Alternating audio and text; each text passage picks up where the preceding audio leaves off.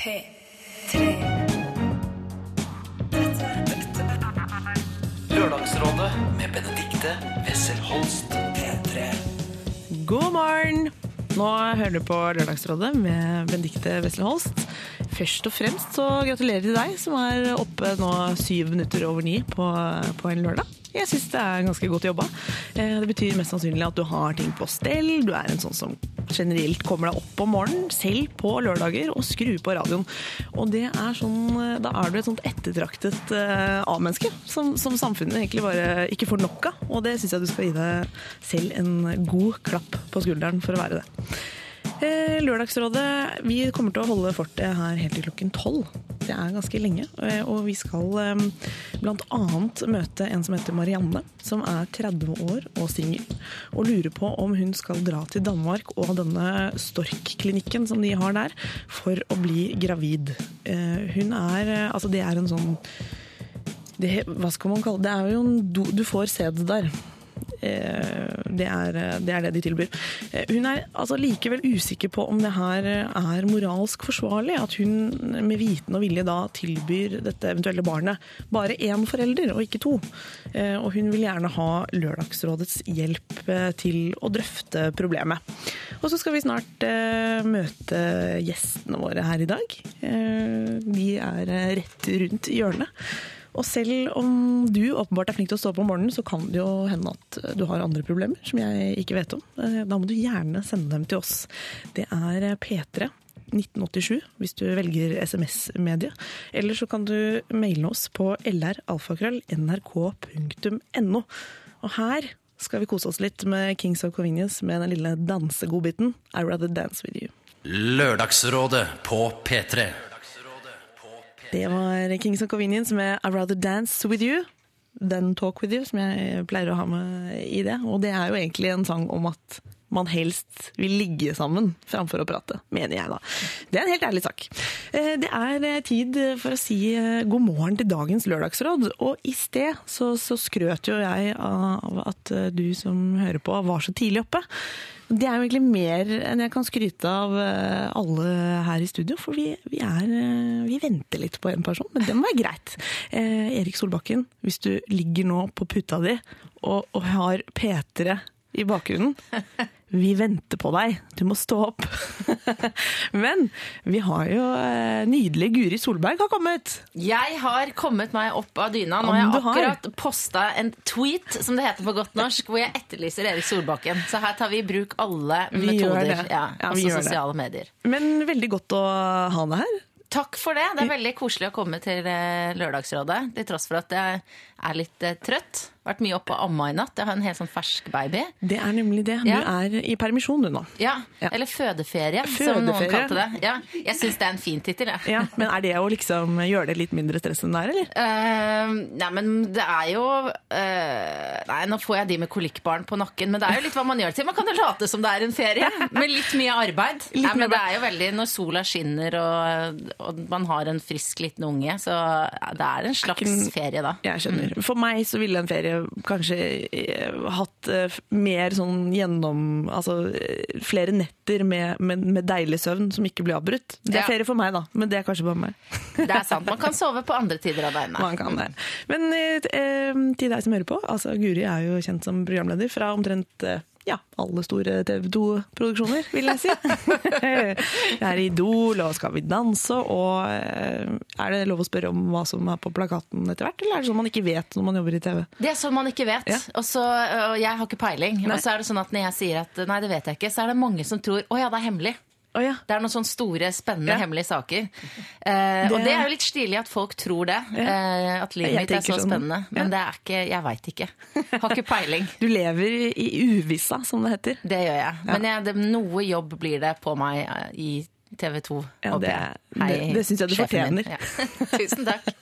Hvor, eh, du har to barn du nå, Guri. Du, jeg har to barn. Høres Ja. det ikke kult ut? Jo, jeg jeg føler meg er- veldig voksen. Ja, klart det. Ja, ja, ja. Jeg har to jenter. To jenter. Så jeg driver og sier sånne ting som Ja, jeg og jentene kommer. Å, det er hyggelig. Det Da. er stilig. Ja. Jeg syns det, det høres helt topp ut, jeg. Det er det. Ja. Jeg er veldig heldig. Ehm, nå hadde jeg jo egentlig tenkt sånn, eh, i og med at Erik skulle sitte siden av deg, skulle jeg spurt Erik litt også hva han driver med. Litt vanskelig å si. Eh, han er i hvert fall han har i hvert fall ikke stått opp, sånn som vi andre jentene her i studio eh, har fått til. Eh, vi skal, eh, for deg som hører på, altså Guri, Guri har vært rådgiver mange ganger, så dette er jo du litt god på fra før. Ja, vi får se. Ja, har du et område du tenker liksom er ditt sånn Der er jeg litt god, der har jeg noe å bidra med. Altså hvis, hvis det skulle komme inn noe Altså, men det gjelder jo nesten Altså, jeg er veldig sånn nysgjerrig på folk og interessert i folk. Og det er jo et godt utgangspunkt for å være rådgiver i dette programmet. Det er helt riktig. Eh, Så derfor så går jeg ut ganske bredt. Liksom, mellommenneskelige relasjoner Ja, det er ja, er jeg glad i. Ja. Eh, og det er jo veldig mange av rådene eh, som blir gitt her, er jo i den kategorien. Det er helt eh, sant, og, og jeg vet at eh, du kommer til å få brukt eh, de kvalitetene aktivt i løpet av disse tre timene. Vi skal snart gyve løs på, på første problem. vi. Først så skal vi høre Gold on the Ceiling med Blackies. Lørdagsrådet Gold on the Ceiling der med The Blackies. Eh, Jeg sitter her nå foreløpig sammen med Guri Solberg, og vi har snakket om at denne låta den gikk rett hjem både hos meg og hos Guri.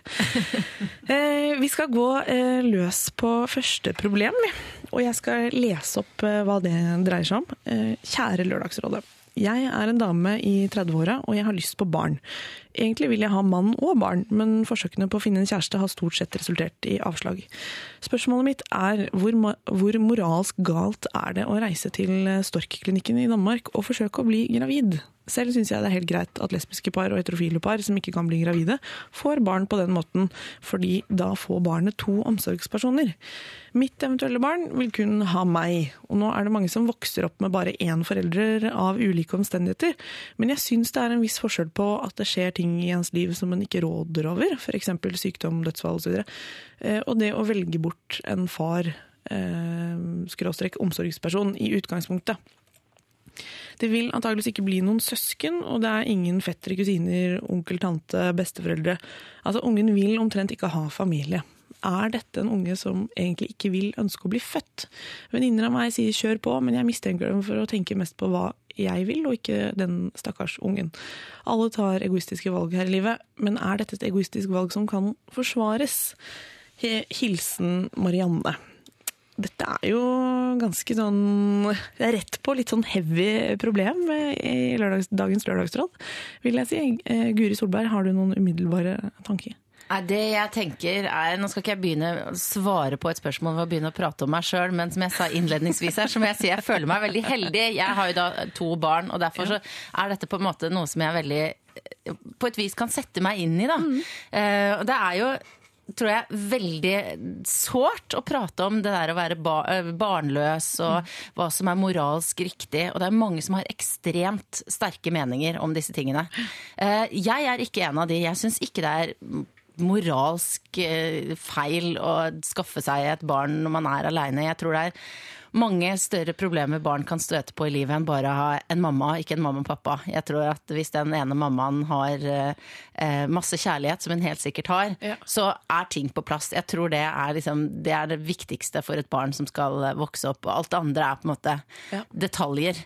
Det første jeg tenker på når jeg hører hennes dilemma, er at hun er 30 år. Ja.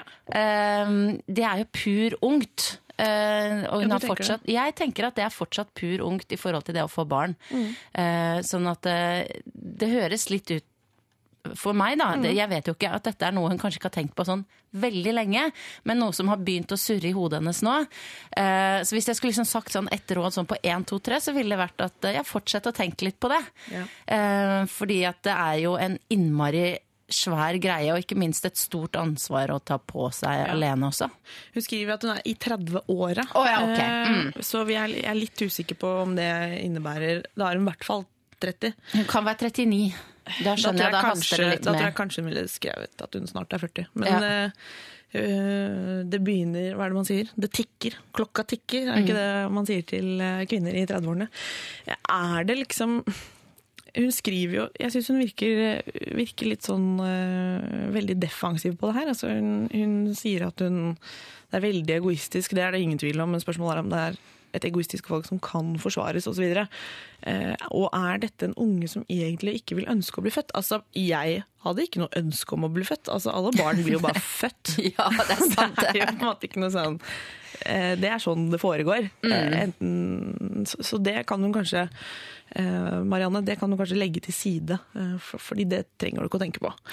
Eh, men det er jo kanskje noe med dette Det at du har valget, altså at det fins en sånn klinikk i Danmark, det gjør jo at man tenker tanker som man ikke ville tenkt for eh, Ja, nå skal ikke jeg sverge på når denne klinikken kom til, men la oss si for 25 år siden, da, så var ikke dette et alternativ.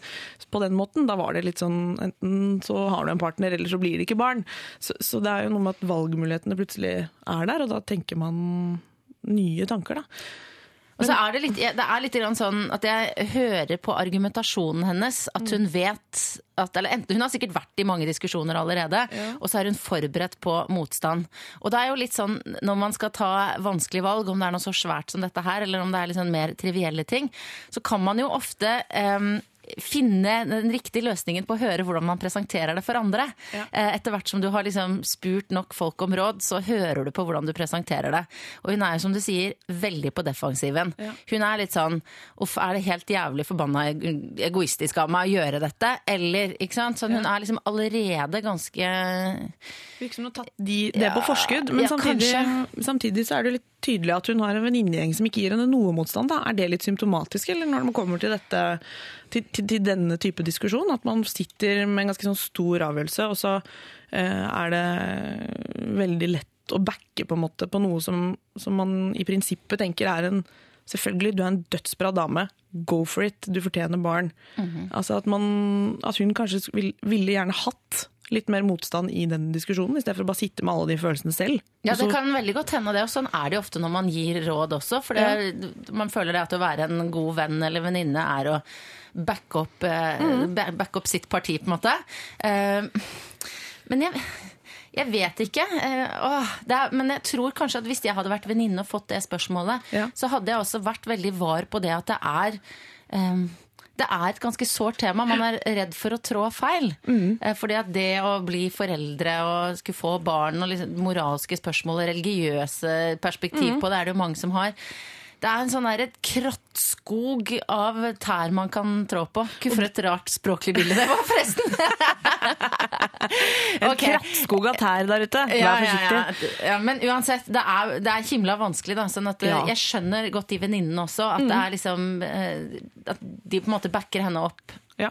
uansett hva. Men er det litt sånn at eh, du som har to barn selv, Guri, altså at det å få barn det er jo en stor avgjørelse uansett hvilken måte man gjør det på? Mm. Er det liksom så annerledes? Eh, eh, det, er, et godt spørsmål. Mange som sier at eh, livet er helt forandret og, og sånn. Jeg følte vel kanskje ikke det. Jeg, jeg føler jeg har det samme livet, bare med veldig mye ekstra inni. Ja, okay. Eh, så, så ting forandrer seg jo, men det er ikke sånn Jeg er den samme. Ja. Eh, men det er jo en, en veldig stor opplevelse. Ja. Og det er, man kan, jeg kan ikke forestille meg livet uten barn nå. Nei, det skjønner jeg. Så jeg skjønner Men du gikk nok gjennom noen av de samme tankene. Altså, Idet man skal få barn, så er det vel en del ting man enten tar opp med partneren. altså Man diskuterer hvem, er, hvem kommer vi til å bli som foreldre. Hva mener du om det? Hva skal barnet hete? Hvor skal vi bo? Liksom. Altså, det er jo et, et lass med ting man må reflektere over. og Er ikke det litt sånn er ikke det litt universelt, da? Jo, det tror jeg er universelt. Ja, jeg tror det er universelt at alle går gjennom en, en del sånne ting, men så er det selvfølgelig litt annerledes når man eh, Og nå skal jeg passe meg på ordvalget og si hva som Mm. er naturlig, og, men når man lager barnet sjøl, Ja. på, den- på gamlemåten, Ja. eh, er vel kanskje et nøytralt begrep, eh, så er det på en måte Da føles det kanskje Åh, jeg må passe på ordene mine. Da føles det kanskje mer naturlig. Skjønner du? Men man bør- kan vel bruke et ord så- som naturlig? Altså, det må vel gå an å bruke. ja, for det er, jeg vet, altså? Altså, Når du da skal reise til en klinikk og gjøre, og du gjør det aleine, så føles det kanskje som en, Mm. en annen type avgjørelse. Og derfor så tror jeg alle de spørsmålene er sterkere hos Marianne Ja. enn eh, hos alle oss andre stakkarer som eh, skal prøve oss på dette her Mm. med å bli foreldre for første gang. Eh, et moment som gjelder for sånne som Marianne, er jo det at strengt tatt så er det jo mye ryddigere å, å oppsøke en, en eh, klinikk i, i Danmark enn å bare ligge med noen random eh, for å bli gravid. Altså det går jo faktisk Det, det hører man jo om noen som gjør. Altså Jeg har hørt om det. Ja. Veit om det. Ja, ja. Eh, og det er jo, da involverer du jo plutselig en fyr som kanskje ikke hadde lyst til å bli far, eh, og som blir det uten egentlig Vi kan alle være enige om greit, vil du ikke bli far, så skal du bruke det kondomet, men la oss si at det ikke skjedde, da. Og så er du litt, eh, litt lurt opp i stry, fordi noen faktisk ville bli gravide. De passet på at de hadde eggløsning da de dro på byen, og fikk det de skulle. Det er vel strengt tatt eh, Er ikke det litt mer eh, problematisk enn å, enn å gjøre det betale for et uh, safe opplegg. Ja, det er kanskje litt ryddigere, altså. Ja. Ja, jeg vet ikke. Det er, og det er mange dilemmaer der ute å forholde seg til. Jeg, litt, eh, jeg tror ikke det er så vanlig det der å så Det ikke så vanlig. lure seg til eh, etter et one night stand. Nei. Men, eh, men dette her sier i hvert fall Jeg noe mener om jeg har lest om det i et eller annet juicy magasin. Ja, men det sier noe om at eh, ønsket om barn er sterkt hos mange, selv om man eh, er aleine. Ja. Og jeg tror at eh, Nå blir jeg litt sånn som en av disse venninnene som støtter henne, men jeg tror at Marianne blir en glimrende mamma Mm. eh, hvis hun går for det. Det men det Altså, sorry å si, Det er liksom verdens kjedeligste råd, men det er bare hun som kan vite om det Ja. er riktig. For hun kjenner det, om det er eh, riktig eller ikke. Og det, sånn er det dessverre med mange sånne Ja, det det. valg, at man kan bare vite det sjøl. Eh, Og Marianne, det å prate med noen litt sånn konkret om det, altså ta kontakt med klinikken, finn ut hvordan det eventuelt skal løses praktisk, da kommer du litt sånn nærmere hele prosessen. Du får kjent på hva det innebærer, mer info, hvordan, blir dette, hvor lang tid har jeg på meg, hvor mange forsøk. Altså, gjør det litt mer sånn praktisk, ikke, ikke ha det så nå er du veldig oppe i det filosofiske, og der skal du jo være en stund, men med en gang du brekker det ned litt og gjør det litt sånn Hvor er jeg nå? Hvor skal jeg? Hvordan føles det når, når det blir på denne måten? Da, da er du kanskje nærmere den eh, avgjørelsen enn du tror. La oss kanskje sitere Sokrates. Altså, rett innsikt vil føre til rett eh, handling. Er ikke det Yes. Nå starter vi, nå starter vi røft her i Lørdagsrådet, men eh, Så Sokrates, da? ja, vi, tar, vi tar han med, gjør vi ikke det? Ja, det syns jeg vi skal. Har du store eller små problemer, det behøver ikke å være så, så, så filosofisk stort. Ikke sitt og gnukk på dem eh, alene. Send dem til oss her i Lørdagsrådet. Det er SMS-adresse P31987. Eller så kan du sende oss en e-post. Eller alfakrøll. nrk.no. Åh, jeg tror vi skal ha et lite musikalsk avbrekk. Jeg gleder meg. Vi skal høre på uh, Phoenix. Nei, Jo. CLMD. Vi skal høre på C- CLMD med Black Eyes and Blue. Lørdagsrådet. Everything is Everything med franske Phoenix. Den, den venta jeg og Guri Solberg litt på, for den, den syns vi er veldig fin, da. Jeg er veldig glad for at det kommer litt, litt sånn musikk fra da jeg var ung. Sier Guri på 35 år. Snart 36. Snart 36. Snart nærmere 40 enn 30. Åh, kjenn litt på den, Ja. som vi pleier å si. eh, vi skal snart eh, Det er et lite problem Guri har, akkurat dette med å, å snart eh, bikke 36. Men vi skal gripe fatt i noen som har sendt inn et problem til oss. Eh, og dette er litt tricky, det her òg, folkens. Jeg leser. Kjære rådet. Tidligere i uka fikk jeg en litt ubehagelig SMS. Min gammelonkel sendte en melding hvor han skrev Hei Lillian, hva du gjør? Er du hjemme? Jeg er sugen på å klemme deg.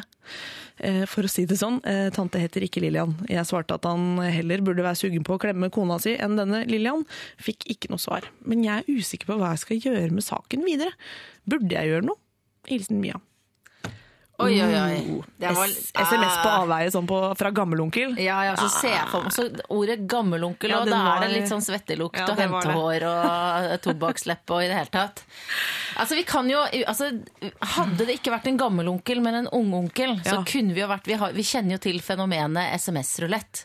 Eller at noen tar telefonen oh, og sender en tullemelding. Det har ikke jeg tenkt på engang, at det kunne kanskje vært det. Ja, Vi kan jo eh, håpe på det. Så kanskje den muligheten bør Mm. utraderes og, før man liksom går videre.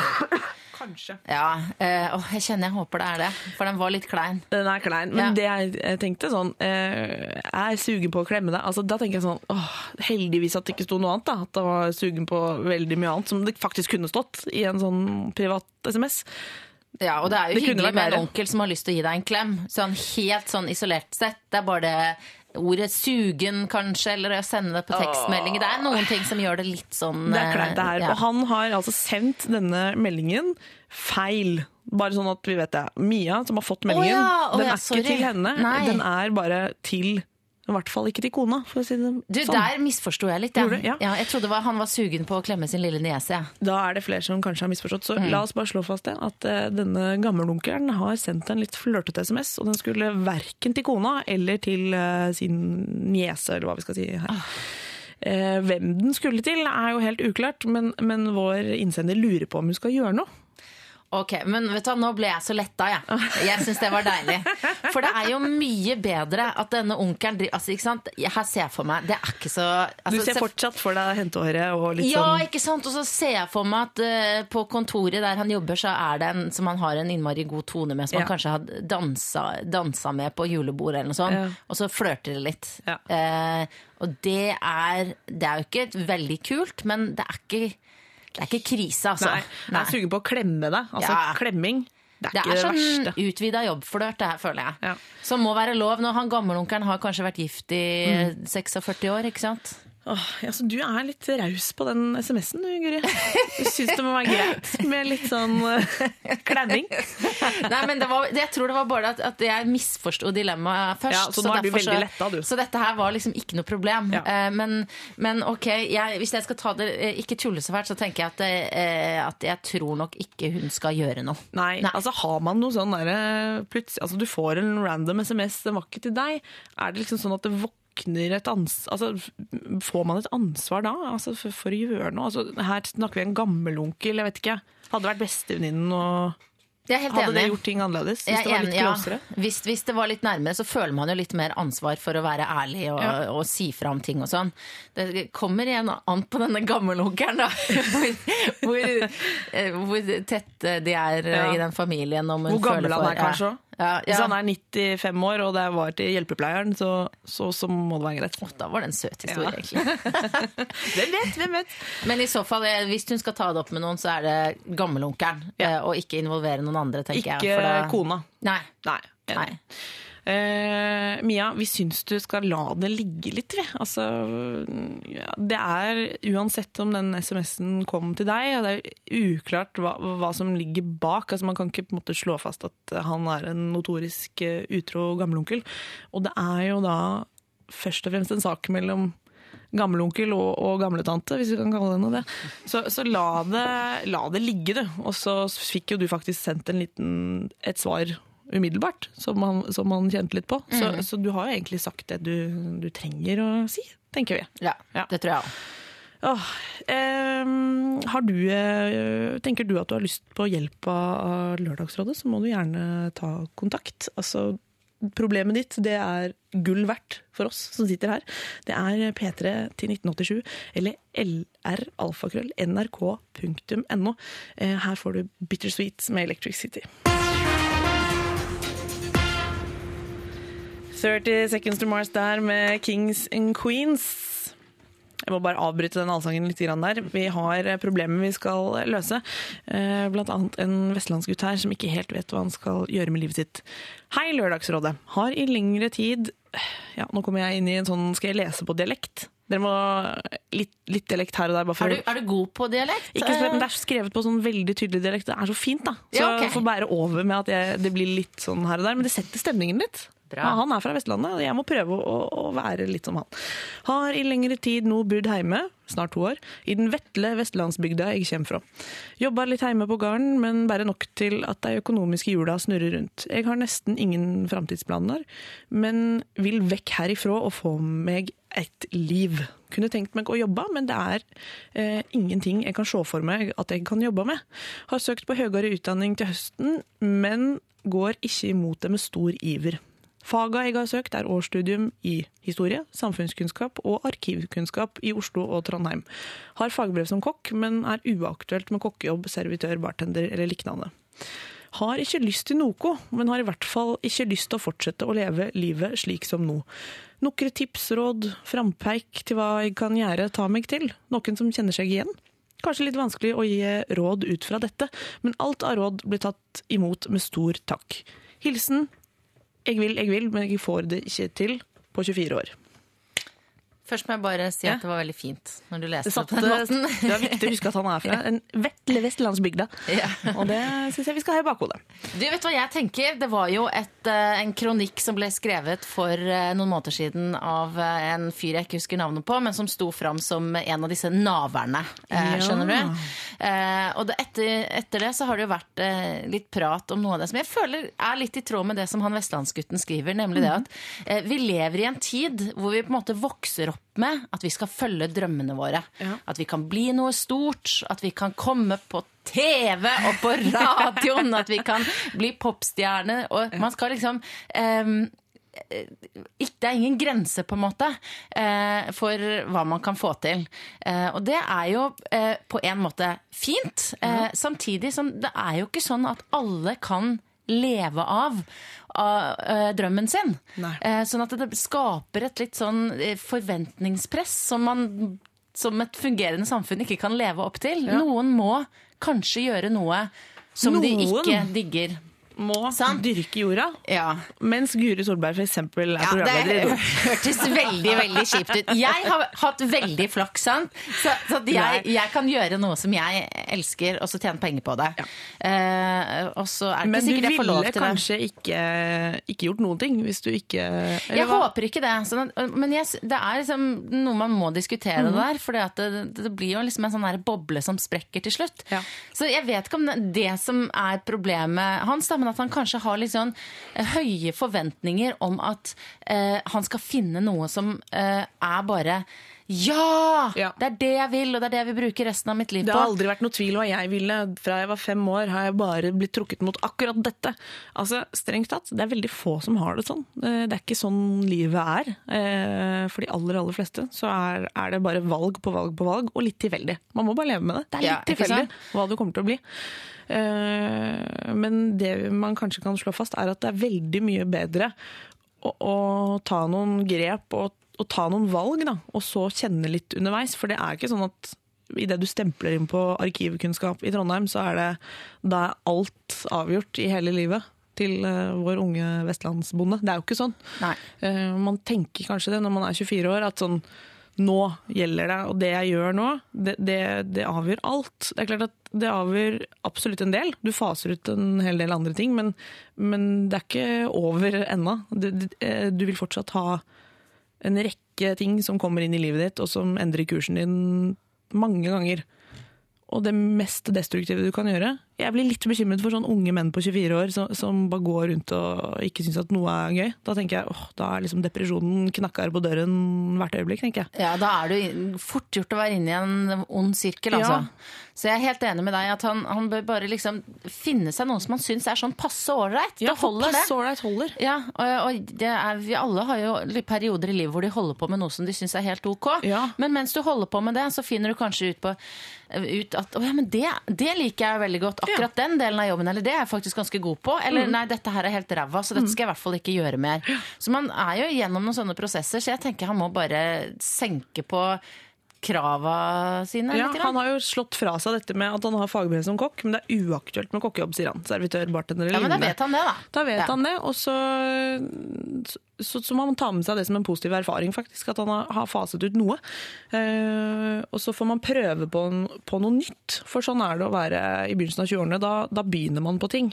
Og, og selv har jeg begynt på mye rart, eh, med varierende hell, men man ender jo liksom opp et sted allikevel. Jeg har uh, solgt leker på Edvis i Grensen, og jeg har telefonintervjuet på Markeds- og medieinstituttet. Uh, og det, no, Da, var det du, da, da da, var jeg ringte på du hans, folk. da var, ja, ja, ja, og jeg var, var på hans alder, og det var jo, det var jo på en måte uh, kjipe jobber, men det var, fant ut av ting der også. Ja. Jeg for eksempel har eh, jobbet en del i klesbutikker. En sommer satt jeg i en foss på Vestlandet og i et sånt uh, hulderkostyme. Nei, var du en av de? Ja.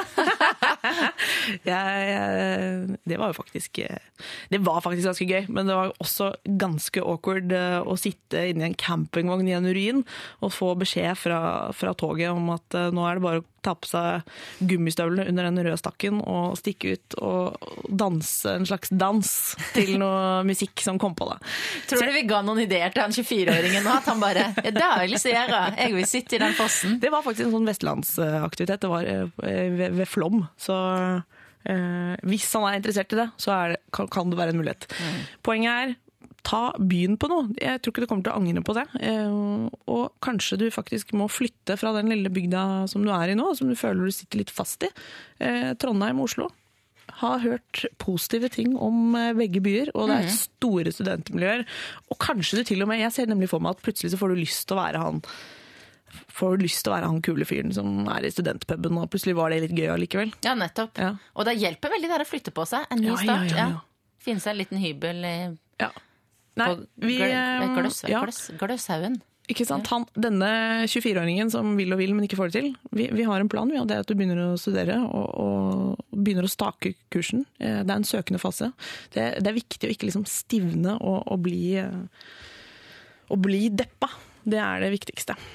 Eh, Sitter du og lurer på hva du skal bruke livet ditt til, og tror at eh, kanskje Lørdagsrådet er eh, riktig forum å, å ta det ut i, så, så, så henvend deg til oss. Vi vil veldig gjerne ha problemene dine. Det er P3 til eh, 1987 eller lralfakrøll.nrk.no. Her får du Unbelievable med IMF. Lørdagsrådet Hei, da du lytter til Lørdagsrådet. Erik Solbakken, velkommen. Han er eh, bare til deg som hører på. En, ru- rundt en time, og- en time og syv minutter forsinka. Hei. Hyggelig å se deg.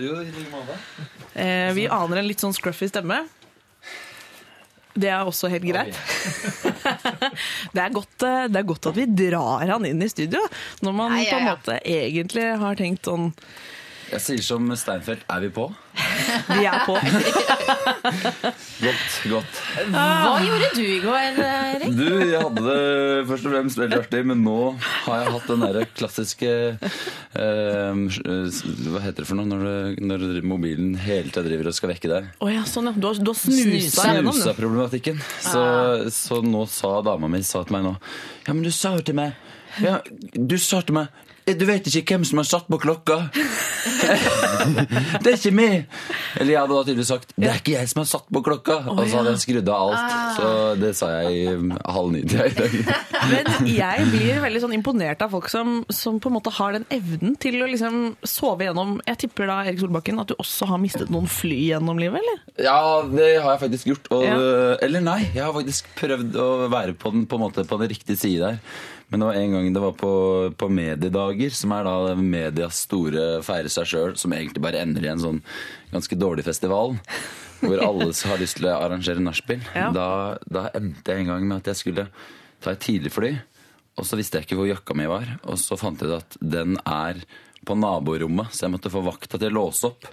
Og når han låste opp, så var det da en, en mann som navn ikke skal nevnes, som lå som en sjøstjerne. Og under den sjøstjerna så lå jakka mi. Så jeg måtte hale ut jakka mens vakta sto bare Ok, han der har vært på sånn homofilparty eller et eller annet sånt. Ikke vet jeg. Hvem var det? Si hvem det var. Ja, det var TV3-sjefen Lasse Hallberg. Mannen bak Big Brother. Så ja. Han kan feste, antakeligvis. Eh, til deg som skrudde på radioen akkurat nå, nå er vi et fulltallig lørdagsråd eh, her eh, nå, med Guri Solberg og Erik Solbakken. Begge sipper innpå en god dose med kaffe. Det, det er godt, det trenger vi. Jeg vil bare komme et lite mm, innspill. Vi snakket i sted, før Erik kom inn i studio, så hadde vi en eh, 24 år gammel gutt som eh, ikke visste helt hva han skulle gjøre med livet sitt, sånn eh, både utdanningsmessig og, og kanskje også på litt flere plan. Men det som er så hyggelig, er jo at dere sender inn kjempegode forslag. Og vi må rett og slett lese opp noe som har kommet inn her nå på SMS. Har en kommentar til deres forslag for han på 24 år som er utdannet kokk. Hva med en jobb offshore som kokk? Det er ikke som alle andre kokkejobber, og dessuten er det godt betalt med mye ferie. Ja, som dere skjønner, jeg har selv fri åtte måneder i året og reiser verden rundt. 41 år, har alt jeg trenger og mye fritid. Så med tanke på forslag, ta sikkerhetskurs og kom deg i jobb offshore. Fikk lyst til det sjøl. Ja. Veldig løsningsorienterte lyttere vi har. Det liker jeg kjempegodt. Det er klart at det, det syns jeg vår 24-åring skal eh, Ja, det er et godt innspill. Og så er det en annen som gjerne vil bidra. Til de som ikke vet hva de skal bli. Prikk, prikk, prikk. Bli ingeniør. Studer en eller annen studieretning som du tror interesserer deg iallfall litt. Og det er mange typer ingeniører. Så får man seg en jobb etter studiene, eh, og det bør ikke være noe stort problem. Og etter et par år vet man mye mer om hva man vil holde på med. Og det er det som er så bra, da, at du kan gjøre nesten alt mulig. Eh, om du vil selge et eller annet, salgsingeniør, eller drive med bedriftsutvikling, eller reparere røntgeninstrumenter med en ingeniørtittel, kan du søke på utrolig mange jobber, og du trenger ikke nødvendigvis jobbe i den retningen du studerte. Norge trenger ingeniører av alle typer, det er bare å studere. Mine tre år på Ingeniørhøgskolen i Trondheim er noe av det morsomste jeg har gjort. Hilsen Jørn. Altså, Hilsen her- rådgiveren i Ingeniørhøgskolen. Ja. Det var litt preg av det, men, men det er en entusiast, da. Han, Bli han, ingeniør, du også!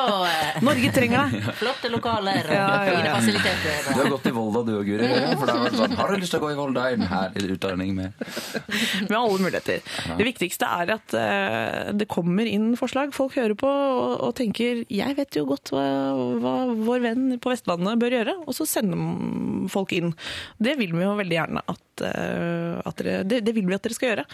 Eh, det er p31987 eller lralfakrøll.nrk.no. Vi kjører en liten mind controller vi nå Aya Marar, og er jo selvfølgelig da straks tilbake. Lørdagsrådet på P3.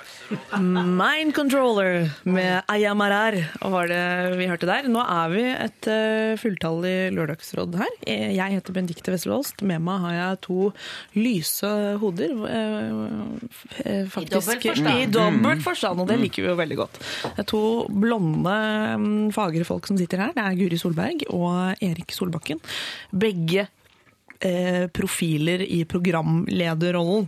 Den ene er litt mer scruffy enn den andre. Eh, Erik, du kom jo akkurat. Det må Ja, være det stemmer. Eh, og jeg, litt kritikk til den låta som ble spilt nå. Den stopper veldig kjapt. Den stopper litt, ja. Fordi nå tar P3 veldig vare på meg. Nå får jeg frokost i form av kaker.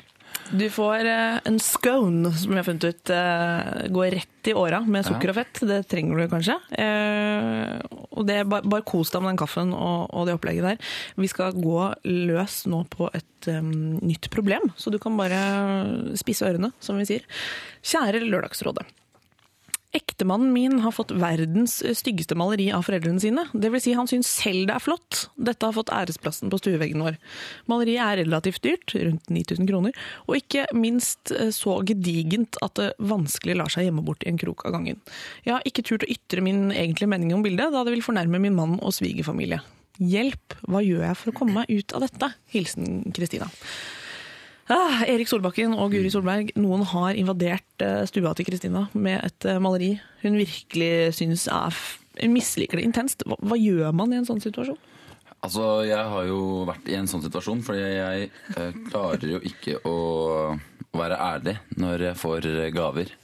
Men eh, det klarte da min bedre halvdel. Eh, vi fikk Fra mine foreldre så fikk vi et, et bilde som da var en slags sånn 80-talls eh, maleri av en alpintkjører. Jeg er jo Fremsdal, så det var en sånn sjung, det var sånn i sjunge. Så vi begge så at det her er kanskje ikke på en måte framtidas kunstobjekt. Det er ikke, den kommer ikke til å liksom auksjoneres bort. Men uh, hun sa det med en gang. 'Å ja, nei, det der Uff, nei, det har jeg ikke lyst på'. Så med en gang Og så ble det sånn Alle ble litt paffe. Og nå i etterkant så har det blitt en god historie som vi trekker fram når vi ikke har noe å snakke om. Så Det var vi veldig godt gjort. Altså, det er imponerende handlekraftig, men også kanskje bare rent impulsivt. At hun bare Oi, Ja. Det, nei takk. det var, det var plutselig borte. Så det mitt forslag er gjør noe på en måte crazy. Ja. La, bare selg det på Finn, og så blir det en god historie. Det er modig, da. Det er modig. Ja, for Ja. at man kan, da, da har du et perspektiv på det. At du ser liksom noen år fram i tida når vi kan le av det. Ja. Da blir det moro. For vi kommer jo ikke forbi dette at det, det, det kan bli et dårlig stemning. Jeg har litt samme problem som deg, Erik. At det er at jeg er f ikke ærlig nok. Jeg sier «Ah, så hyggelig, ikke sant? Programledere, klassisk. Jeg er syk av det. Så, så jeg skjønner jo at det er en utfordring. Jeg synes jo det, er, det, er litt, det som er litt kjedelig, er at hun ikke kan være ærlig med mannen sin heller. For det er jo ofte litt sånn moro at man når idet svigerforeldrene har gått ut døra, Ja. så kan man se på hverandre himle med øynene og legge seg ned på gulvet og le. Ja. Eh, men hvis hun ikke engang til han kan si at det var himla stygt, det bildet, så går man jo glipp av mye moro. Ja.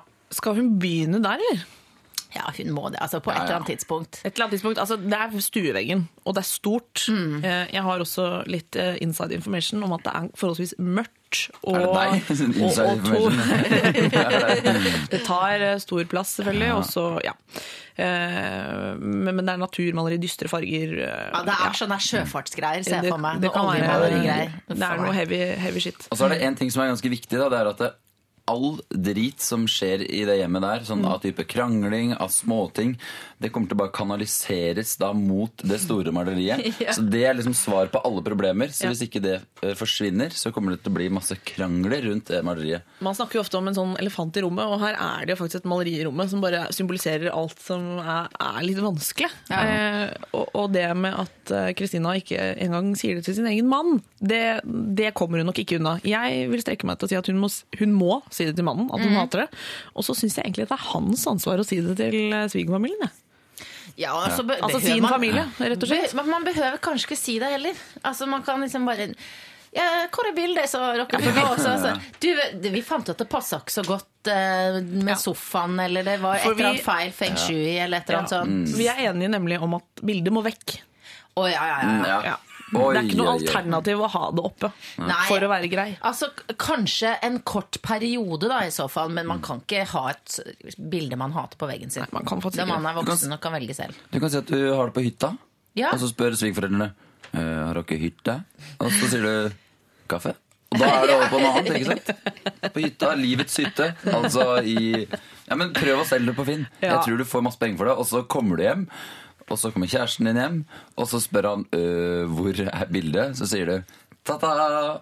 100 kroner. Holder du opp, og så, så har du en god historie. Ja, så kan du bruke pengene på noe hyggelig sammen med svigerforeldrene. Er det et alternativ? Nei, det tenker jeg Eh, ikke. Vi kommer ikke bort fra at eh, bildet må vekk. Hun, eh, Kristina, du må si det til mannen din at du misliker det maleriet intenst. Og, no, og, og så må det faktisk vekk. Og om dere velger å si det til eh, hans foreldre at, at det, it had to go, det, det får være opp til dere, men det er ikke noe alternativ å ha det oppe. Eh, En annen ting, er det egentlig er det greit å gi bort sånne dominerende ting som skal henge i et hjem, eller uten å spørre om man har lyst på det? Jeg synes det er litt sånn forholdsvis mange som gir bort eh, risky, forsøk på kunst som kanskje ikke folk vil ha. Det er vel en regel du hører om etter du har gitt et bilde. Eller Marlies, så tenker Ja. du ja, da har du ikke hørt om Med mindre du liksom kommer trekkende med en eh, ja, skulle jeg til å si Bjarne Melgaard, men det er kanskje ikke alle som vil ha de sæd. Sæd i fleisen hver dag i stua. Men altså, med mindre det er noe veldig eh, anerkjent, og vi er alle enige om at dette maleriet er en kjempefin investering og en gave å få, kan man ikke droppe det her malerikjøret? Det er jo Ja, det. svært Ja, vanskelig å treffe blink. Ja. Ja. Du kan male deg sjøl. Det er litt morsomt. Også, eller bilde av deg sjøl, og så gi bort til en igjen, og så ser du faktisk havner på veggen. Det er også et alternativ. Eh, Men Kristina, jeg tror du egentlig vet hva du skal gjøre. Du må i hvert fall prate med mannen, og så, så tipper jeg at det, det blir en ordning på dette. Eh, Maleriet skal vekk, rett og slett. Eh, Har du noen problemer som du har lyst til å, å, å få oss til å diskutere og hjelpe deg med, så må du bare sende det til oss. Det er P31987 eller eh, lralfakrøll nrk.no. Eh, nå skal vi høre på Pull of the Eye med Donkeyboy og søte Vivian Sørmeland. Lørdagsrådet Det var eh, fine Father's Eyes med Ask Embla. Jeg setter litt pris på den låta. Setter meg litt tilbake til sånn tidlig belcanto som jeg var glad i, da. Og så er det et veldig bra bandnavn. Ja. Ask og Embla, eller Ask Embla. Altså, sånn. Spennende dobbeltbetydning. Yes. Mm -hmm. Får deg til å tenke. eh, du lytter til Lørdagsrådet. Her sitter jeg, Benedicte Wesselholst. Eh, Guri Solberg er her, og Erik Solbakken er her. To, eh, la oss kalle dem programlederprofiler, da. Kjent fra TV, er det ikke det man pleier å si? Jo, det pleier jeg å si. Eh, jeg tenkte at siden jeg først er så heldig å ha dere her, så, så skal jeg personlig benytte anledningen til å stille dere to spørsmål. Ok? Mhm. Jeg var nemlig på eh, en fest eh, for litt siden der jeg endte opp i en eh, litt sånn halv la oss kalle den litt opphetet, da. En litt opphetet diskusjon med en ganske godt voksen mann som mente at vi lever i så sinnssykt uptighte tider. Eh, og at det derfor for han var veldig veldig viktig å holde på en form for eh, opposisjon da, mot det etablerte. Ellers så bare drukner vi i kos, oppussing, barneprat, dameblader, lørdagsunderholdning. Altså, skjønner dere? Han mente at Norge var liksom i ferd med å kose seg i hjel, eh, og ble mer og mer konformt. Og hans eh, lille sånn opprør mot dette var jo å fyre seg en bønne i ny og ne. Jeg er jo veldig imot narkotika, så det var jo det jeg liksom gikk eh, litt sånn i strupen på. Men la oss bare koke den ned til liksom, hva han egentlig tenkte mest på. Det var jo dette, dette lille opprøret mot det etablerte. Da. Og syns dere generelt at det er sinnssykt uptighte tider? Og hva skal man i så fall gjøre for å liksom, opponere litt mot det? Ja, du, trenger, du kan i hvert fall, hvis du sitter og fyrer en liten bønne Det er liksom ikke Det er Altså, da gjør du ingenting. Enig, Det det, det- var det jeg sa. Ja, ja du sa det. Men Ja, du sa det med sånn flinkestemme som jeg gjorde. Ja, Fyre en bønne, det gjør ingenting! Du må ta vare på deg selv. Nei, jeg sa at det var veldig på en måte en form for konformt eh, opprør, det òg. Å liksom fyre seg den bønna og tenke sånn Dere klarer ikke å få has på meg, jeg er i opposisjon. 44 år, se på meg. Eh, men, men akkurat det med at det er litt uptight til tider, jeg, jeg kan jo skjønne hva fyren mener. Ja, og det at det er så uptight og eh, ganske sånn eh, perfekt tilsynelatende, i hvert fall, gjør jo at det skal ikke så mye til for å gjøre opprør. Nei. Eh, som nybakt mor, for eksempel, så kan jeg jo avstå fra å bake cupcakes, og dermed så er det ganske kontroversielt. er, Ja. det er er småbarnsmors ja, fyra av en Ja, ja, ja, da er det bare wow. Jeg hopper over de cupcakesa. Ja, men er det litt sånn, eller at, man, at det forventes helt enormt mye nå av sånn eh, overflate, kan man si det? Altså jeg vet ikke om, Det er jo mye sånn forventninger man skaper sjøl. Og i og med at vi lever liksom litt sånn liv gjennom sosiale medier, og sånn, så er vi jo med å iscenesette oss sjøl. Og da er det mange som velger å presentere en veldig sånn perfekt side. Ja. Eh, og da kan det jo være vanskelig å være uperfekt. eh, men så jeg tenker at, eh, at det er en øvelsessak for oss alle. Jeg prøver å ha det litt rotete hjemme. Er Gjør du det eller kommer det av seg sjøl? ja, eh, men du, jeg er ikke så god på det, så jeg, blir, jeg vil at det skal være ryddig, f.eks. Det, Ja. det har ikke så mye med liksom, samfunnet å gjøre, kanskje, men det gjelder å begynne i det små. Ja. Og så er det der å ikke, ikke være Tørre å være dårlig i ting, f.eks. Eh, det er veldig mange i, eh, i vår bransje, for å si det Mm. sånn, og jeg, sikkert andre bransjer også, som skryter veldig av hvor travle de er. Skryter kanskje av at de har fått uh, stressa på seg et magesår. Eh, sant? Og det er liksom Er nærmest at det nærmest er liksom noe man smykker seg med. Eh, At du har da- gått på hvert fall en lettvegg ja, eller to? da syns jeg det er fint å kunne være en motvekt til det og si at nei, vet du hva, jeg har det ganske rolig om dagen. Ja. Jeg har ikke så mange oppdrag, jeg. Ja. Det tar det litt lugnt, jeg. Det er også et slags eh, et opprør da, mot Ja. eh, den derre Å, der spiser jeg, så å, så- Ja. å, Men jeg har det fint, altså. Å, gud, ja. Men akkurat på 17. mai, Ja. da fikk jeg faktisk litt den følelsen. Hm. Jeg snudde meg rundt, så alle de vakre bunadskledte Ja, ja. folka. Og, Det er altså, rimelig uptight, ass. Jeg hørte vestkantstemmer som går med Svalbardbunaden, og så tenkte jeg sånn Hm, dette er litt uptight. så fyrte jeg en bønne, og så ble alt så mye bedre. Det er, akkurat 17. mai er, er faktisk sinnssykt uptight. Helt til folk har, liksom, er ferdig med den frokosten med alko. Da, da sklir det sånn ordentlig ut. Ender opp i en sånn kavalkade av darkness og bunad. Eh, så akkurat den dagen er kanskje ikke så uptight er som man skulle tro. Begynner litt brutt på toppen også. Men eh, dette med at man eh, jobber eh, voldsomt med å framstå som vellykket, og at man til slutt eh, Han var veldig opptatt av min, min diskusjonspartner, mente at sånn Se på, se på oss, da! Hva er det man står og prater om? Jo, det er liksom bolig. Hvor, hvor vi skal flytte om, vi har pusset opp og hvor langt vi har kommet i oppussingen, og, og hvilken farge, hvilken sjattering av hvitt vi kommer til å velge på stueveggen. Altså, er vi litt for lite flinke til å prate om andre ting enn det som skal kjøpes og, og, og fikses opp i? Vi har det jo veldig godt, da. Ja. Sant? Så det er jo, eh, For å være litt sånn krampaktig positivt, så er det jo et tegn på at vi liksom har få problemer, Ja. eh, kanskje. Eh, De store Altså vi har nok mat og nok penger, i hvert fall de fleste av oss her i landet. Så da behøver vi ikke å snakke om de tingene, kanskje. Eller Mm. Nei. i hvert fall hvis vi skal være litt selvopptatte, da. Eh, Men, Og da eh, blir det altså kanskje litt kunstig å, å, å hevde at det er så veldig problematisk. Altså, da leter man kanskje etter noe som Ja, og det at du snakker om bolig og hva du Ja. jobber med, og sånn, det er jo på en måte et, et uh, tegn på at da Nå toucher du litt sånn Nå begynner du. Ja. Og så går det nedover. Jeg har en kompis som av prinsipp aldri eh, stiller spørsmål om hva gjør du, hvor, hvor bor du og sånne ting. Det er veldig Det syns jeg er positivt. Ja, det er, altså Han blir jo litt sær i starten, men når det på en måte han setter i gang en sånn samtale sånn, Hva har du, hva, Hvilken fantasi har du som du har lyst til å hvor Hvis det er første spørsmål ja, ikke sant? Så får du sånn hm, Men da kan det ofte Det kan generere en ganske god prat da, hvis du får en sånn derre Kommer noe fint ut av det. Ja, alle endrer med å liksom snakke om at Ja, det er disse rosa underbuksene jeg har lyst til å gå med for resten av livet. Eller Ja. det hørtes ut som en fyllefest, faktisk. Men det, Det kan jo være et godt uh, utgangspunkt. så mitt tips til han gamlingen Det er jo da å eh, gjøre noe med det sjøl. Sette i gang en prat som er litt mer spennende enn å snakke om at vi bare har det å snakke om. Ja. Ja, for er det noe som er ganske klisjéfullt og kjedelig, så er det nettopp det. Å si Ja. vi lever i sinnssykt Ja, opptatte ja, tider. ja. Og jeg må fyre med en bønne. Ja, Ja. Enig. Enig, enig. Det var det jeg prøvde å si til han, men han ville ikke høre.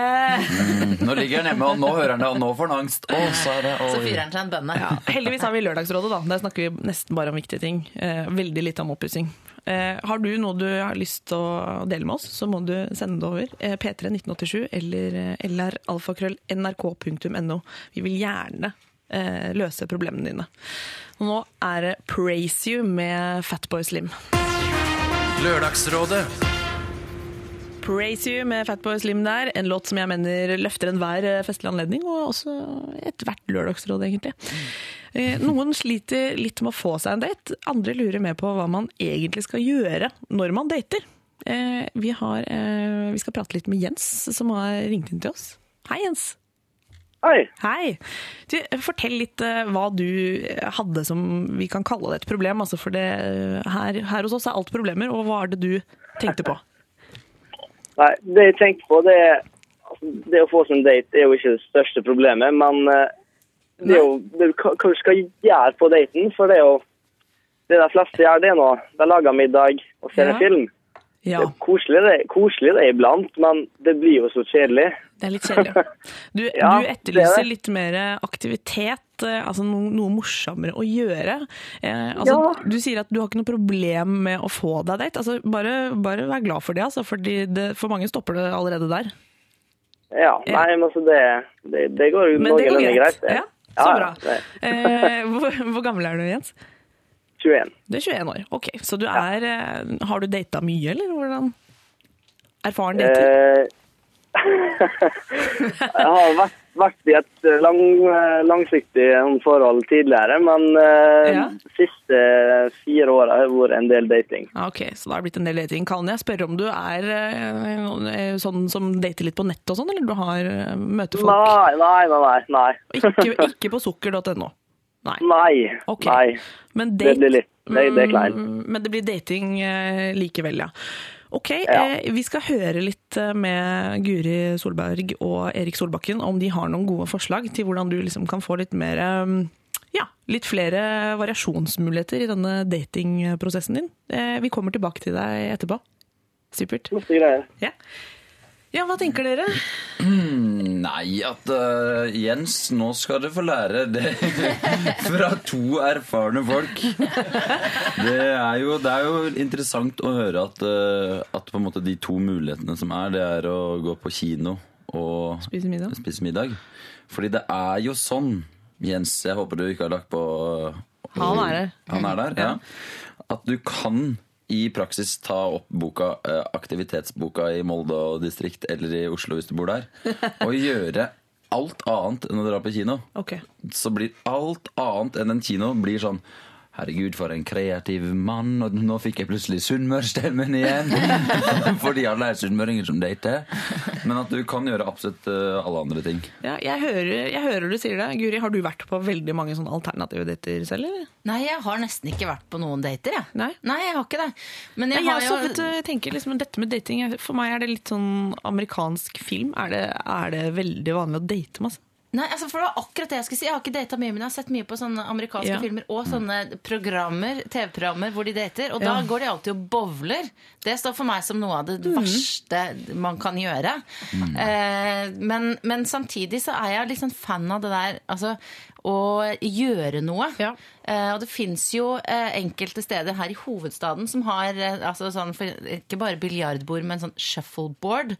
Som oh. er sånn eh, en slags eh, curling i miniatyr. Det Og da, den kombinasjonen, Nå skal jeg passe meg så jeg ikke får sånn anti-alkofolkene på nakken, men det kombinasjonen å drikke litt alkohol og spille noe greier, Ja. det er fint for praten. Det er fint for og, praten. Ja, det, det man kanskje kan si om det med, med, med middag og film, det er jo veldig sånn, da er du rett i, da er du hjemmesonen, ikke sant? Det er jo ingen tvil om. Da tenker jeg personlig at man har kanskje kommet et lite stykke ut i datingprosessen. Ja. Med en gang du liksom åpner sånn, her bor jeg, her er stua, der er soverommet, vi skal bare se den filmen. fra-» Altså det ligger litt, vel, litt sånn i kortene at her, her blir det noe ordnings.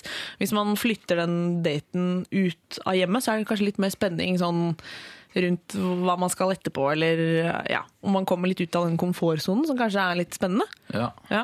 Eh, aktiviteter, ja. Det er jo Man kan le litt av det, men jeg, jeg får litt sånn vil du være med å ake? Ja, det er jo litt kult, Ja, nei, men alle, ja, er du er, du er er sikkert en sånn fyr, Erik, fra Nei. Hemsedal og alt. Og sånn, da har jeg booka en kanefart, ja. Det er bare å slenge seg nedi. Altså, er det Har du lyst til å bli med og sanke sau neste helg? Og så er det sånn, Du skjønner ikke at det er en date.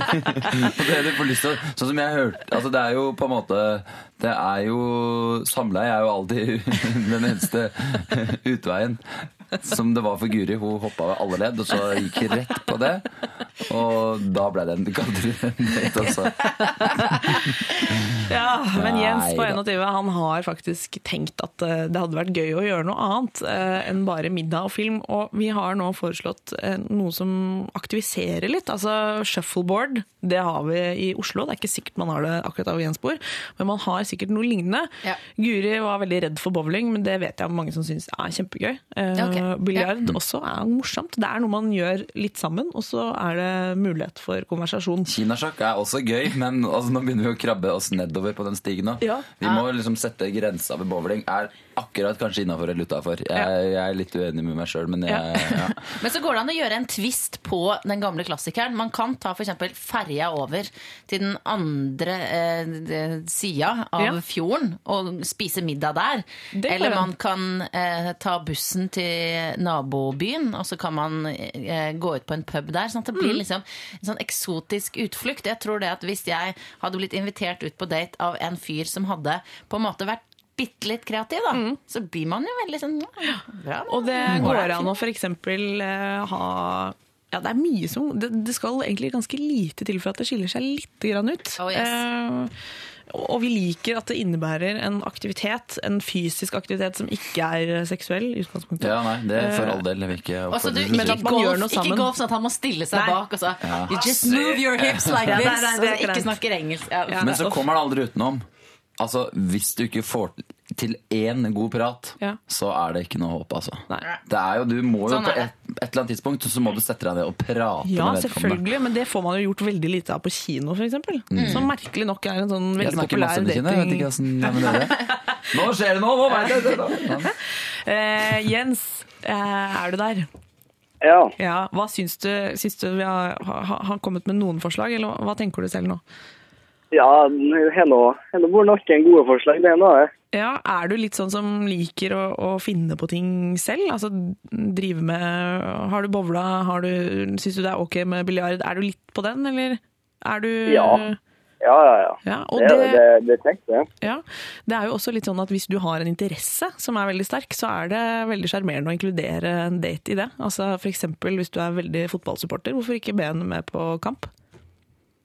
Det går an. Hvis, hvis, hvis du liker fotball, da. Nei, det er ikke egentlig et premiss. Jeg bare tenker at det faktisk går Ja, an å, å si sånn Dette syns jeg er kjempekult, jeg vil gjerne vise deg det. Uh, og jeg skal forklare deg alt hvem alle spillerne er, og etterpå skal vi gå og spise. Skal vi i garderoben, så skal Ja. vi hilse på dem.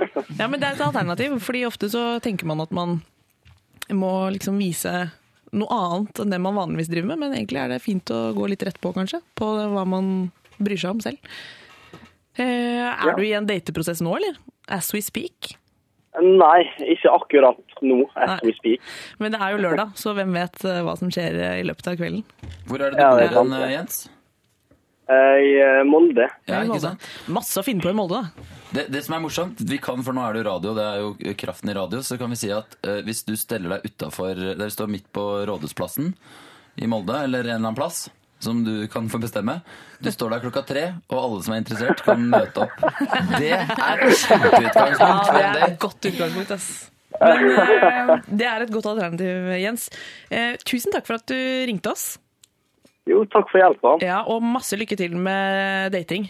Lykke til. Ja. Ha det godt, da. ha. Ha det bra. Det var hyggelig. Åh, eh, vi har følelsen på Altså, han hadde ikke noe problem med å få seg date, det var jo helt åpenbart. Han skulle bare skulle ha litt mer å, å gjøre imens. Det, det tror jeg han fikk nå. Det er deilig utgangspunkt, og for ofte så er utgangspunktet liksom, du, det er ett hakk bak. Ja, ja, ja. Men når, når du har den 'jeg har ikke problemer med å få meg date', da er det sånn Det ordner seg for Ja, Jens. det ordner seg for Jens, ass. Det er deilig å hjelpe, er det ikke det? Eh, Her får du Hull i himmelen med Jon Olav Nilsen og gjengen. Rush, Frida Amundsen. ikke rash, rash, rash. I get a rash, rash, rash. Um, Kan jeg få lov å si noe Ja, om Frida det Amundsen? kan du. Jeg er fra Vaksdal, gått på gymnas på Voss, der jeg har vokst opp. Så oh. eh, kjenner henne ikke, altså, men jeg føler sånn at jeg kan være skryte litt av henne likevel. du bonder. Ja, ja, ja. Ja, ja, ja. Frida og jeg, vet du. Det, Fy søren. det, det To backer norske kjendiser. det er deilig. er deilig. Suksesshistorie. Eh, vi går videre på problemløsning. Jeg skal lese opp eh, Her er neste innsender. Kjære Lørdagsrådet. Min bestekompis er i ferd med å kaste bort livet sitt på en gift dame. Han er voksen, har store barn og er tilsynelatende singel. Eh, han har i en årrekke hatt et veldig turbulent forhold til denne damen som er gift.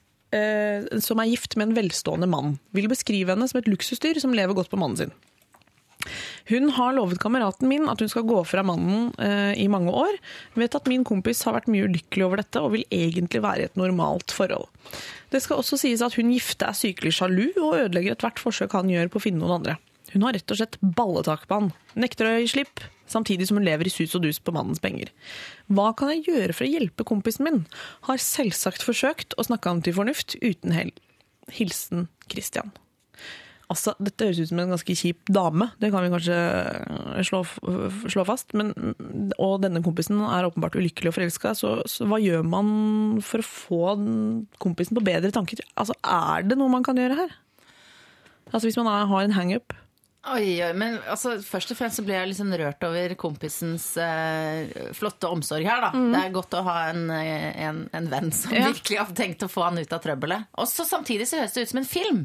Enig. Ja, Det høres veldig spesielt det der med den rike mannen. Jeg enig, det var, meg hun det var litt sånn spennende. Det er en sånn der solariumsbrun dame med store pupper og høye hæler som liksom mm, går rundt og styrer deg. Ja. Eh, altså, jeg vil jo gjerne alltid tro at hvis man er glad i hverandre, så ordner det seg til slutt. Og sånn, Kanskje de kommer til å få hverandre, og hun kommer til å gå fra han og sånn. Men det er vel ikke sånn. Det kommer, det å være den andre mannen, da, som det blir i dette tilfellet, Ja. er jo en dårlig deal. Og hun kommer vel ikke til å gå fra han. Og jeg heier på kompisen som prøver Det å er I få han ut av det. årevis Ja, er det snakk om her. Ja, det er, det er litt stusslig. Jeg tenker jo at det, uh, det som er litt kjedelig for kompisen nå, er at hvis han er den som pusher, så blir på en måte han svaret på at ting gikk gærent, eller at, ting, at han, uh, han da som er i det forholdet. Eh, altså Det er det som er litt kjedelig, for han er jo da veldig eh, opptatt av denne dette såkalte kvinnemen, omtalt Ja. som kvinnemenneske, som lever på en rik mann. Kvinnen. Eh, og da er det sånn at han må jo dessverre finne ut av det sjøl. Fordi hvis kompisen liksom rasker den ut, så blir det liksom enda mer tapt kjærlighet og du, din satan, som Ja. Så jeg veit ikke helt Han må jo på en måte på en eller annen måte få han til å innse at det her ikke funker. Men det er jo derfor han spør oss, og jeg skulle gjerne hatt et godt svar. Jeg føler liksom han har gjort eh, mye av det han kan, og Ja. så sier tydelig at men hør her, kompis, det kommer ikke til å ordne seg, og hun er ikke noe bra for deg og sånn. Hvis det er, jeg vet ikke om det var de ordene han brukte, men jeg, det var sånn det hørtes ut i mitt hode. Eh, kanskje han tegner et for negativt bilde av henne, sånn at han, eh, kompisen måte føler han må forsvare henne litt. At det er sånn Så slem er hun ikke, så kjip er hun ikke. At man, at man på den måten at, at, at vår innsender har gått litt for hardt ut, da. At, og på den måten gjør det litt eh, vanskeligere. Skjønner du hva jeg tenker? Det kan jo godt hende det, også, for det er jo en grunn til at han har holdt ut Ja. med å være elskeren til eh, denne rike dama i mange år. Så det må jo være noe mer enn at hun er en, en eh, sykelig sjalu eh, Manipulativ. Ja. Så hun må, kanskje hun er en veldig bra dame som han er glad i, men desto vanskeligere blir det, da. eh, Når, han, når det da aldri blir noe av, eller Går det an å, å, å gå inn på en litt annen måte som venn? Altså at man, man stiller heller noen spørsmål som er sånn Hva er det du egentlig vil? Ja. Hvis du kan velge helt fritt, hva ønsker du deg aller mest? Altså at man ved å stille noen sånne spørsmål kanskje får han til å innse at hvis, hvis det er for mange ting eh, som ikke går med denne kvinnen, så, så kommer han heller ikke til å nå målet. Altså sånn Han kan teste noen sånne sosiale prosjekt. Sånn av typen Ok, du har hengt med oss så mye nå. Nå har jeg lyst til å treffe henne. Ja. Kan vi ikke bare, vi tre, stikke på, ikke på bowling, for da blir det en date? Men vi, jeg har lyst til å møte henne, for da er det sånn, da setter han hun inn i en sosial situasjon. Og da er det sånn, hvis det blir helt merkelig, så kommer han til å kjenne det sjøl at ok, det her er veldig rart. Det var en god idé. Ja, og det er jo på en måte ikke virkelig heller. Altså, det, er sånn, det er et sånt forhold som aldri får, får møtt virkeligheten ordentlig. Fordi det, det er tuftet på Ja, det er faktisk tuftet på en løgn, bokstavelig talt. Og, og det er eh, Det foregår aldri eh, ute der, som du sier, Erik, i, i møte med andre. Så da, da kanskje det på en måte lever lenger også, bare ved å være sånn nesten forløst. Ja, det kan godt hende. Mm. Ja, få, få med ut i den virkelige verden. Kan han også kan han introdusere denne vennen for nye damer? Altså litt aktivt? Prøve å få han ut på date? Ja, ta han med ut på morsomme ting, og så han kan oppdage at det finnes eh, bra jenter som ikke er gift. Ja. Så kan det hende. For Det, det kan det gjør det være. Det gjør jo det. ja. Det gjør det. Det gjør- det, altså Hvis vi ikke sier det, så da mister vi troa på selve mennesket, og det er jo Det fundamentet i programmet. det kan vi ikke miste her nå. Nei, da, så det, Det blir gjør for det. ille. Eh, vi syns jo at eh, du er en veldig god kompis, og vi syns synd på din kompis, eh, som er sammen med denne, dette kvinnemennesket som vi nå her er ganske enige om ikke er så innmari ålreit. Hun, hun kommer dårligst ut av dette. Ja, det, det synes jeg absolutt. Ja. Og så kan han spille av det klippet. altså Det går jo an å podkaste Lørdagsrådet. Han kan spille akkurat den sekvensen for kompisen og Ja. si at så mye bryr jeg meg. Ja. Skjønner du ikke at det her er et problem? Mm. Bare gjør det som et sosialt prosjekt. Send en mail etterpå. Hvordan gikk det? Hjalp Lørdagsrådet? Jeg tror det. Men bare ta, ta, så, ta bort det der om jeg er sammen med høye hæler og silikonpupper og sånn. det var Ja, det er sant, det. Det er ingen som vil ha dame hæler og silikonpupper.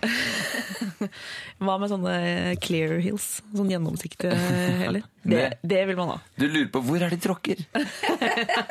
Hun beveger seg i luften. Ja, det er veldig ja. oh, eh, Vi håper at han eh, tar til fornuften, for fornuften er litt undervurdert, syns vi. Eh, vi. Har du noen problemer som sitter og hører på, som du har lyst til å, å gi til oss, så er det altså p31987 eller lralfakrøll.nrk.no. Vi sitter her, vil gjerne drøfte det ene og det andre. I mellomtiden så hører vi på Lift Me med Madrugada og Ane Brun. Lørdagsrådet. Det var eh, Nicki Minaj med Starships, hvis du lurte. Hvis den låta på et eller annet merkelig vis bare snek seg forbi øret ditt, så var det det som var eh, Så vet du hva det var nå. Vi skal eh, snakke med en eh, jente som eh, Hun heter Emma og er i et dilemma. Hun skal i dåp i morgen. Bunaden eh, passer ikke, og vi skal høre om vi kan hjelpe henne med noen alternativ eh, bekledning. Eh, Emma, er du der? Ja da, hei. Hei! Hallo, hallo. Du skal altså i dåp, skjønner jeg, og, og du Bunaden passer ikke. Det betyr at du kanskje ikke hadde den på for et par dager siden heller? Ja, nei, jeg prøvde forrige helg, og da tenkte jeg ja, æsj, det var dumt, ja. Ja, den ble for trang. Det, dette kjenner jeg meg veldig igjen i. Alle jenter med bunad vet at det der er et sånt årlig lite helvete. Eller menn med bunad må ikke utestenge Ja, men jeg føler dere går jo aldri opp eller ned i vekt. Dere bare er helt sånn statisk. eh, Ja, det er sant, det. Ja. Det er i hvert fall noe veldig mange kvinner kjenner seg igjen i.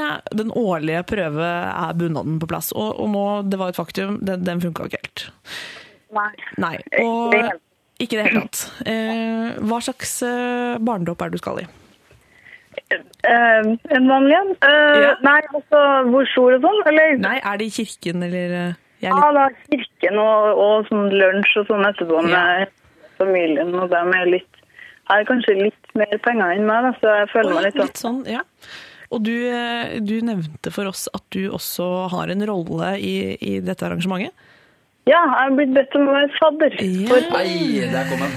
Der kom den. Så det betyr jo at det er mange som kommer til å se, se på deg, og du skal Ja.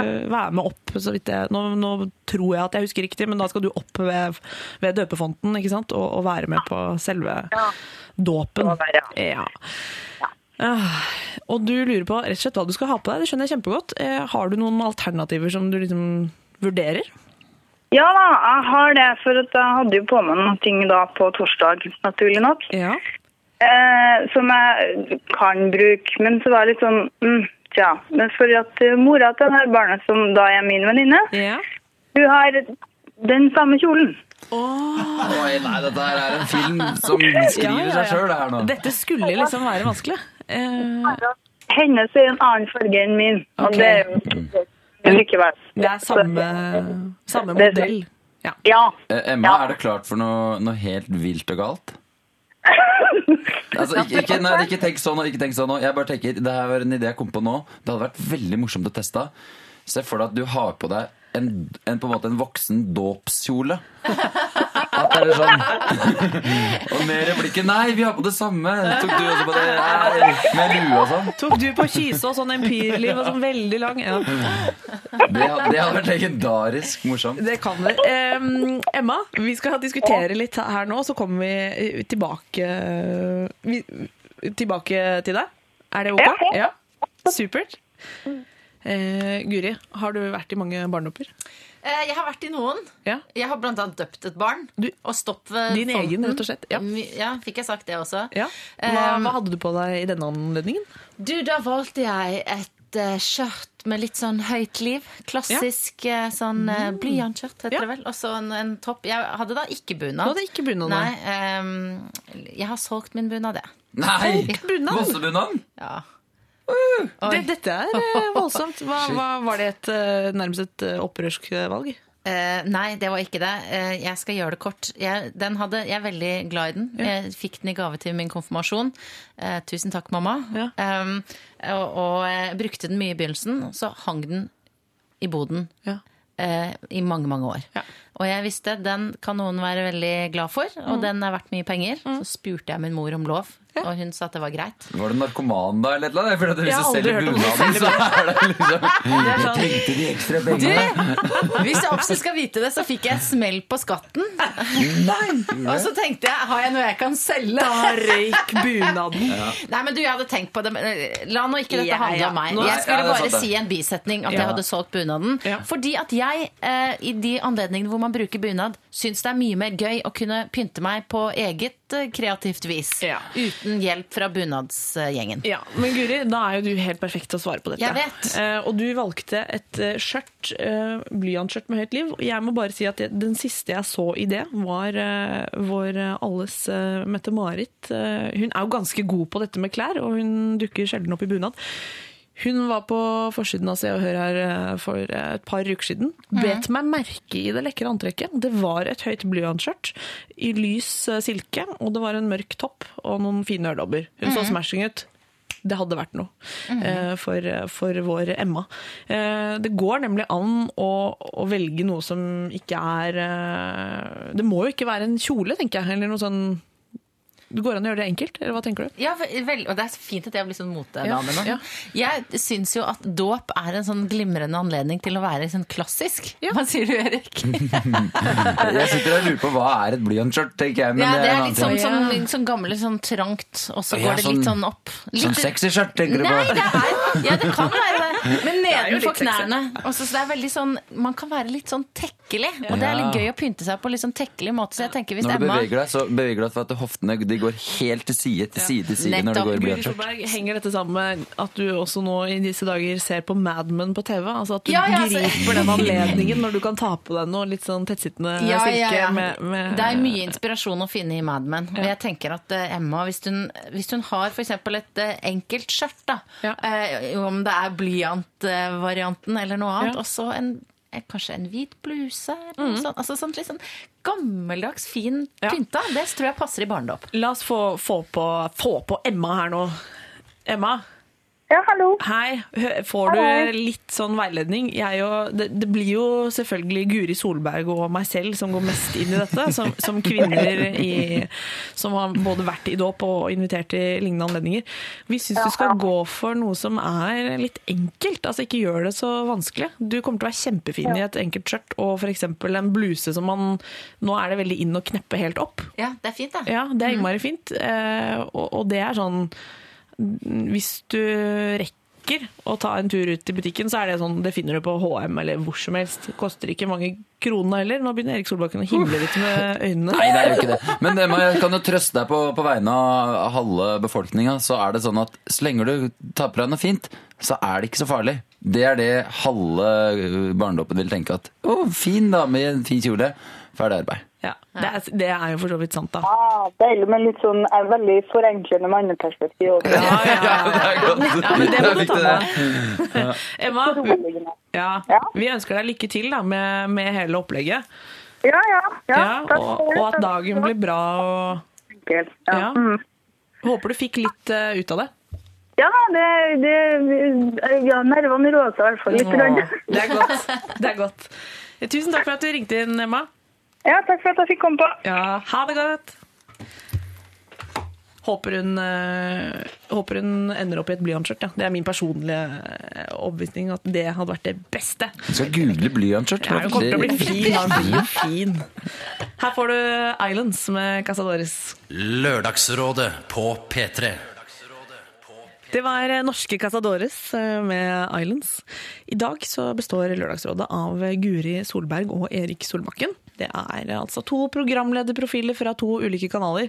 Har dere tenkt over at dere har, i tillegg til å være veldig lyse i luggen begge to, så har dere litt like navn nå? Det er Solberg. Ja, Solbakken. Altså, ja, det er sånn, Ja, ja. går litt Nei, i ball for meg her. Jeg har tenkt på det mange ganger, faktisk. Det er temasending i dag. Sol, sol, solsending. Det er eh, noe Nei, det var dårlig. Kan vi ta sånn- bort det? Jo, men Ja. det er sånn Hvis vi hadde hatt en tekstforfatter og så leda f.eks. et awardshow, Ja. type Gullfisken eller noen Gullblyanten eller et eller annet gull, Ja. så hadde vi kommentert det på en veldig klein måte. Sånn ja, sol Ja, Solbakken Vi hadde sagt f.eks. at ja, det er solshow. Som Ja, ikke sant? Å, det hadde vært Å, faen. Det kan skje, tenker jeg. Det kan fortsatt skje. Ja, jeg håper det kanskje Eh, vi har fått inn noen SMS-er direkte til eh, dere to, oh, som ja? er her. Jeg, jeg kan eh, starte med, med til deg da, Guri. Mm. Du virker som en avslappet person. Hvordan prøver du å holde fokus og ikke bli for påvirket av alt som er utseendefokus og terningkast på hva du har på deg osv. i programlederrollen? Mm, Først må jeg si tusen takk for komplimentet. For det at jeg prøver å være avslappa. Eh, ja. Hvis du hadde spurt eh, kjæresten min, så hadde han vel kanskje sagt at, eh, at hun er ikke så avslappa egentlig alltid. Og jeg kan være ganske stressa på sånn Jeg er sånn at jeg syns jeg ser tjukk ut i den kjolen, så da begynner jeg å gråte, og så kan jeg ikke ha på meg den dagen etter. Altså, jeg har de ja, du greiene tenker der. på ting nå? Ja, jeg gjør det, men, eh, men jeg eh, prøver å ikke tenke på det så mye. Og så prøver jeg å i hvert fall ikke være en av de som gjør at det blir eh, mer av den støyen da, som jeg syns det er. for nå, tar det jo, nå tenkte jeg på at nå var det jo nettopp denne gullruten på, på TV, og da, der er det jo alle som jobber i TV-bransjen, ser det jo ut som, er, stiller opp. Og, og det er jo sånn fotovegg, og alt det handler jo om hva man har tatt på seg, og hva man ikke burde tatt på seg. Og så er det programlederen som er dotterskappel, og da handler det bare om hvilke kjoler hun har på seg. Altså, det det virker jo litt mye, det her. Ja da, og det er klart at Når man jobber i et visuelt medium, som det Ja. heter, så er det jo klart at utseendet altså Det er klart at eh, det er jo ålreit å se litt fin ut, men, men for å svare litt sånn ordentlig på det spørsmålet, så prøver jeg å tenke at det handler om den jobben jeg gjør. Ja. At det er det som er viktig. Jeg har lyst til å være god. Eh, og så kan jeg si i parentes at jeg vil også gjerne være pen, men jeg prøver å liksom tenke at det viktigste er å gjøre en ordentlig jobb. Ja. Eh, og at eh, alt det andre eh, ved siden av er litt sånn Det er litt sånn mindre viktig. Ja. Eh, men eh, Er dette litt urettferdig? Altså, nå sitter jo du, Erik Solbakken, på andre siden her. Som stygg, da, eller? for deg som er stygg, Erik, så men litt mindre paljetter og, og, og litt mindre sånn Jan Thomas eh, skal mene og Ja. alt mulig om hva du har dratt på deg. Nå mener han kanskje noe om det òg, det, det skal sies, men det virker som gutteprogramleder liksom er litt sånn skånet for Altså, For er- mye av det fjaset, er det, stemmer det, eller føler du deg beglodd du òg? Ja, men det er jo, Nå skal ikke jeg være sånn som sitter og sier sånn Da jeg leder den internasjonale Eurovision-finalen, men akkurat i det, i det tilfellet her, så var det Ja. sånn at, at jeg brukte nøyaktig 20 minutter liksom fra eh, jeg var i første møte med en sånn kostymør. Ja. Ja, da har vi den. Til jeg sto i dressen. Mens Haddy og Nadia, de brukte, jeg vil uten å overdrive, de måtte da i 14 dager. Så det, da tenkte jeg 20 minutter versus 14 dager. Der har du svaret på det, på det spørsmålet. Kjør, kjør går, er det ikke det man sier? Ja. Det, mm, vi har SMS til deg også, Erik, om, Mm. om noe annet. Eh, Som ekte Hemsedal-gutt, hva slags forhold har du til alle skituristene fra Oslo vest? Eh, jo, det, jeg var faktisk uh, Fordi eh, da jeg var kommer til 14, Ja. Så var jeg taggevakt, for jeg turte ikke å tagge sjøl. Men uh, det var FSK, Faxmall Kings, som da var en henvisning til Bærumsungdommen. Som vi ikke likte da, men, men eh, Hva er tagge? Altså, du skulle passe at, ja, på at jeg ikke tagga sånn? det var bak i skuret. Det var ingen som, det var ingen som har Og de andre tagga mens du, du var Ja, jeg liksom var taggevakt. Ja, nettopp. Jeg var ikke sånn 'Det skal ikke tagges!' Så det sånn, som sa med Natteravnene. Vi hadde ikke det. Men, eh, men så vokste du opp, og så var det sånn Ja ja, en må leve med det han får. Og, og det Ja. er mange trivelige folk òg, men det er jo ikke bare bra folk. Og nei, takk for meg. Bare sånn personlig, personlig, er det sånn at uh, du også sto på ski, eller er det sånn Det er ikke alle fra Hemsedal som er så opptatt av det, eller er man det faktisk? Alle sto på ski, bortsett fra Are, kompisen min som er trommis, for han var redd for å skade øh, håndledda sine. Men han Skjønner endte opp med en ganske dårlig holdning. Det, hvis du hører på Are, så du må rette opp ryggen litt. Det har jeg sagt til deg mange ganger. Ja. Ja, det var egentlig de to eh, jeg tenkte vi skulle ta. Eh, har du noen problemer, du som hører på, som du er lei av å ha, så har vi lyst på dem.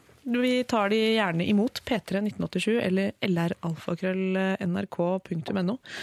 Her kommer eh, veldig, veldig kule Mikael Paskalev med I Spy. Lørdagsrådet Det var uh, You Give Me Worms med Turboneger, og før det så var det Mikael Paskalev med I Spy. Eh, anbefaler å kikke på den videoen hvis du liker en sånn kul eh, bartefyr med, med, med fin sveis som danser hemningsløst rundt i litt sånn Det som i gamle dager kanskje var en flau truse, men som i dagens samfunn er sånn kul, kul designstudenttruse. Han ser kul ut da, Paskalev. Han skal få for det. Eh, vi skal løse flere problemer her i Lørdagsrådet. Det er faktisk det vi er satt til å gjøre. Jeg tror neste problem er noe som ganske mange kan kjenne seg igjen i. Jeg skal lese opp følgende. Hei, Lørdagsrådet. Jeg har en venninne som er veldig glad i å bestemme og få det siste ordet. Eksempel vil hun eh, bestemme hva vi skal gjøre når vi er sammen, hva vi skal spise, hvilken vei man skal gå til byen osv. Rett, og rett og slett ting som ikke betyr så mye i det store og det hele. Jeg er vel en person som ikke bryr meg så veldig mye om vi skal spise taco eller pizza, eh, og derfor har jeg, ikke, derfor har jeg latt henne avgjøre mye. Jeg vil eh, ikke si at jeg ikke tør å si henne imot, men jeg orker ikke å kverulere over ting i hverdagen som ikke har noen betydning. I det siste har jeg likevel begynt å si henne litt imot, eh, rett og slett eh, fordi hun hisser seg sånn opp hvis hun ikke får eh, viljen sin.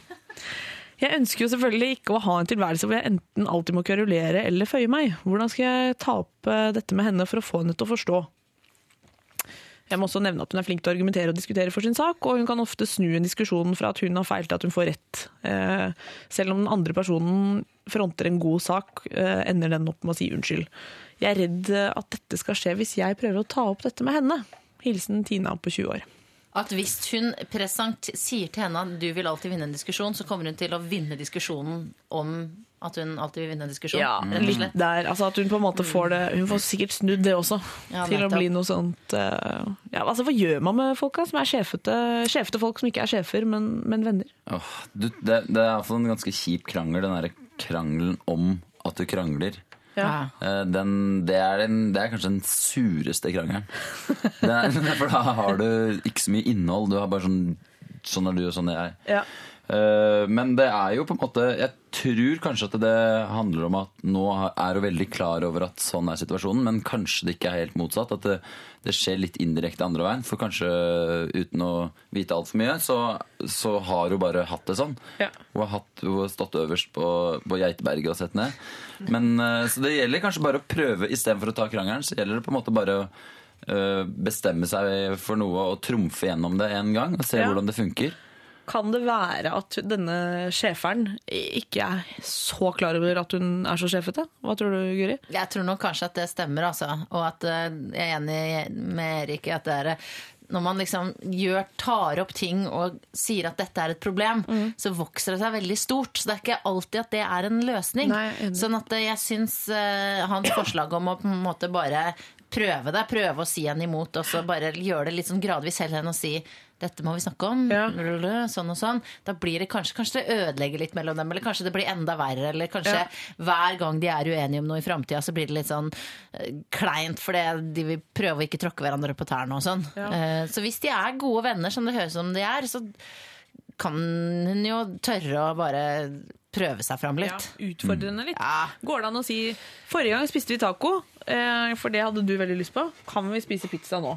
Det Jeg har jeg lyst på. En enda bedre en er sånn Jeg er alltid fascinert av folk som har tatt et valg, og som ikke gjør det med sånn I dag skal jeg ha pizza, men sånn Ja, ja, men jeg skal ha pizza, jeg, så det er samme hva egentlig du har, aktig, men jeg har bestemt meg for pizza. Som klarer å si det på en sånn ikke-arrogant måte. Du blir, da blir det sånn da fikk jeg lyst på pizza. Whips! Så kanskje bare bestem deg for noe, så vær helt kul på det. Sånn, Ja. ja. vi skal på det vorspielet, det skal i hvert fall jeg. Så Ja. hva du gjør, det, for, det hørtes, nå hørtes jeg veldig sur ut. Du virket oppgitt allerede. Ja. Eh, en, en annen ting er jo at sjefete folk ofte mener at de bare tar grep fordi alle andre er så tafatte. Det, det går jo an. Kjenner du deg igjen i den rollen der? For det er jeg nemlig. Hvis det er sånn Jeg kjenner meg litt igjen i det. Hvis det er sånn Ja, skal vi stikke Nå er klokka kvart over tolv. Skulle vi på byen, eller? Og så bare mm, nja, nja, nja, nja, nja. Da kan jeg finne på å si sånn Nå går vi! Og vi skal ha det gøy! Og vi skal gå den korteste veien ned til det utestedet, og jeg vet hvor det er. Altså, er det Vet du hva? Altså, jeg tror du har helt rett. Altså, jeg kjenner meg litt igjen. Jeg er, vil noen si, litt sjefete. Eh, men men eh, det er nok også Det er veldig for det av og til syns jeg alle andre er tafatte. Ja. Sånn at jeg tror kanskje at denne eh, venninna, sjefevenninna, kommer til å bli kjempeglad. Ja. Det kan hende, det. Endelig! Nå Ja. har jeg måttet drevet og Ja. bestemme for denne gjengen her. Ja. Kan, og endelig er det noen andre som tar litt grep. Supert! Vise litt initiativ. Det blir gøy når du bare sier vet du hva, i kveld skal vi begynne allerede i dag. Finn en ting du kan sjefe over, Ja. og du vil få en ny, vei- nytt liv og bedre liv. Yes. Vi tror det kan funke. Både Guri Solberg og jeg, Benedikte Østerholst, kjente oss litt igjen i schæferen. og vi, vi, vi tror at hun setter pris på at det blir tatt litt tydeligere grep. Yes. Uh, hørte du det, Tina? Jeg syns du skal sjefe litt tilbake, og så er det ikke sikkert at det blir så dårlig stemning, faktisk. Men nå er hun sjefa og er sånn Vi hører på P4. Nei, vi har lyst til å høre på Lørdagsrådet. For det. Nei, vi hører på P4. Så de, hun hører på P4 òg nå. Hun hørte ikke der. Det var veldig synd. Åh, det er fortsatt mulig å sende oss eh, problemer, altså. Jeg foreslår at du bruker mailadressen vår, eh, lralfakrøll.nrk Nei, lr alfakrøll.nrk.no. Der. Da kommer den fram òg. Eh, nå skal vi høre på Sondre Lerche og Two Way Monologue. Lørdagsrådet. Sondre Lerche, Two Way Monologue der. Eh, vi har kommet til det punktet i sendingen hvor vi skal dele ut en T-skjorte til en av dem vi har gitt eh, råd. Eh, og kjære Guri Solberg og Erik Solbakken, dere to veldig like navnesøsken. Det er egentlig opp til dere hvem som skal få denne T-skjorta. Skal vi ta høre litt hva vi har vært gjennom, eller? Vi gjør det. La oss kanskje sitere Sokrates. Altså, rett innsikt vil føre til rett uh, handling. Det er, Det ikke er det sånn utvida jobbflørt, det her, føler jeg. Ja. Som må være lov når han gammelonkelen har kanskje vært gift i 46 år, ikke sant? Åh, altså, du er litt raus på den SMS-en, du, Guri. Du syns det må være greit med litt sånn uh, klemming. Det er jo ikke sånn at alle kan leve av, av eh, drømmen sin. Noen må kanskje gjøre noe som de ikke digger. Må Sant. dyrke jorda. Ja, Mens Guri Solberg for eksempel er programleder ja, Det hørtes veldig veldig kjipt ut. Jeg har hatt veldig flaks, sant? Altså, jeg har jo vært i en sånn situasjon, fordi jeg eh, klarer jo ikke å, være ærlig når jeg får gaver. gaver. Men eh, det klarte da min bedre halvdel. Eh, vi fikk fra mine foreldre så fikk vi et, eh, et bilde som da var en slags sånn 80-talls maleri av en alpintkjører. Men uh, hun sa det med en gang. 'Å ja, nei, det der Uff, nei, det har jeg ikke lyst på'. Så med en gang. Og så ble det sånn, alle ble litt paffe, og nå i etterkant så har det blitt en god historie som vi trekker fram når vi ikke har noe å snakke om. Så Det var vi veldig godt gjort. Ja, og det at det er så uptight og eh, ganske sånn eh, perfekt tilsynelatende, i hvert fall, gjør jo at det skal ikke så mye til for å gjøre opprør. Nei. Eh, som nybakt mor, for eksempel, så kan jeg jo avstå fra å bake cupcakes, og dermed så er det ganske kontroversielt. det er, Ja. det småbarnsmors ja, fyra i Ja, mønne. ja, ja, da er det bare wow. Ja, ta han med ut på morsomme ting, og så så han kan oppdage at det finnes eh, bra jenter som ikke er gift. Ja. Så kan det hende. Det, det kan jo jo. være. Det gjør jo det. Det gjør det. Det gjør. det altså, hvis vi ikke sier det, så da mister vi troa på selve mennesket, og det er jo Det fundamentet i det kan vi ikke miste her nå. Nei, da, så det, Det blir gjør for det. ille. Det, det, det, var mye. Vi mister ikke trua på mennesket, i hvert fall. Nei, det gjør vi ikke, altså. Uh, ja, altså, hvem, hvem skal få T-skjorta? Er det hun som var uh, i 30-årene singel, lurer på om hun skal dra til Danmark? Uh, og gammelonkelen som sendte, og da er det jo ikke han som skal få T-skjorta, men, men hun som fikk denne feil-SMS-en. Vestlandsgutten som ikke helt vet hva han skal bli, da han blir enda større. Personen med det stygge maleriet. La oss ikke glemme henne. Eh, han som lurte på ting å finne på på date. Eh, Eller kanskje hun som skal i barnedåp og lurer på hva skal jeg ha på meg? meg? som skal i barndopp. Eh, Send meg Ekspress. yes. Så har vi bestekompisen som eh, har rotet seg borti en eh, ja, denne gifte damen som ikke var så bra. Mm. og så har vi vel eh, Det var vel alle, rett og slett. Det er, det er mange gode kandidater, da. Vi skrøt ja. veldig av komp... Ja, nå ble Solberg Solbakken, og bare merga vi igjen. Ja. Ja, men Begynn du. det. Er jo veldig koselig med han kompisen som, eh, som tenker på, på sin venn. Ja. Som hadde rota seg opp i dette eh, Holmenkoll, silikonhøyhælte, gifte Ja. eh, dameproblemet. Ja. Mm. Så han jo Han fortjener det jo. Ja. Men det er jo føler det er, vanskelig. Hva tenker du, Solberg? Jeg er enig i at han er kanskje den som aller mest trenger litt sånn moralsk oppbacking i form av noen tekstiler med P3-trykk på. Ja. Eh, ellers, det, for meg så står det mellom han og 21-åringen på Vestlandet. For han kan liksom få T-skjorta som et lite spark i ræva. Ja. Han var faktisk 24 år, så han trenger den kanskje enda mer. Han trenger den kanskje enda mer, som en slags påminnelse om at kom deg ut, gjør noe. Det er ikke så viktig om det er det perfekte. Eh, Men du venter et eventyr eh, Ja. der ute. Ja. Så det er Men eh, ja Hva skal, hvem skal vi hvem skal Hvem vi få? vil um, Jeg var jo ikke med på Time 1, jeg, da, så det, Nei, da var Solbakken Da lå du hjemme og sov. Da du. sov jeg litt, men Ja. eh, Da syns jeg vi må, vi må gi det til et Da, da går det utover 24-åringen. Vi må Ja. gi T-skjorte til et felles Ja. eh, løst problem. Det Nemlig han med Han med kompisen med, med, med Clear Hill-dama. Sjefa jeg litt mye nå? Nei, det var det kjempebra. Du tok, du tok bare en avgjørelse. Er det den gamle P3-T-skjorta? Den 'ikke gjør som mora di sier', står det på magen? Jeg er usikker. Nei, den er eh, uten den. Den er uh, bru... Med logoen, da. Ja. Mm, takk. Nei, det var ikke så veldig morsomt, men eh, Nei, det er greit Så å for meg vite. at det Vi var- ser for oss eh, hvordan den kommer til å bli båret. eh, og da må vi egentlig bare si gratulerer til eh, eh, vår greie mann med kompisen i det destruktive elskerinneforholdet. Dette er mange lag for deg som skrudde på radioen nå. Vi har vært gjennom så mye sånn her. Det har vært rene dynastiet. Eh, gratulerer med T-skjorta. Nyt det, og imens kan vi danse, danse oss litt varme. Klokka går mot tolv, da er det på tide å shake litt ass. Oi. Her kommer eh, Sirkus Eliassen og Jeg vil bare danse. Lørdagsrådet. Veronica Maggio, velkommen inn. Og før det var det Sirkus Eliassen og Jeg vil bare danse. To partylåter egentlig, ganske tidlig på formiddagen. Så setter standarden for hva denne lørdagen skal bringe. Yes! Nå er det faktisk sånn at eh, Lørdagsrådet er slutt for i dag. Eh, Jeg heter Benedicte Wesselholst og jeg er tilbake igjen neste lørdag med nye rådgivere og et lass med problemer, for det, det har, eh, har dere nok av. Tusen takk til deg, Erik Solbakken, og til deg, Guri Solberg, for at dere stilte opp i sendingen. Takk for oss. Ja, Er dere slitne av tre timer med helkontinuerlig problemløsning? Eller to her er- timer, da, for Erik kom litt seint innpå. Men eh, har det gått greit? Jeg, sy- jeg, jeg, jeg har hatt det veldig fint. Så bra. Eh, Så får vi jo se om rådene vi har gitt er gode, da. Ja. Så jeg håper det går bra i andre enden nå. Det vil vi gjerne høre fra de av dere som har fått eh, råd eh, på lufta i dag. Så send oss gjerne en oppdatering på hvordan det har gått. Det har vi kjempelyst til å høre. Ellers så kan du laste ned sendingen hvis du vil høre hele. Det er podkast på iTunes eller på p3.no slash podkast. Og må gjerne like oss på Facebook også. Der skjer det litt eh, her og der. Eller poke.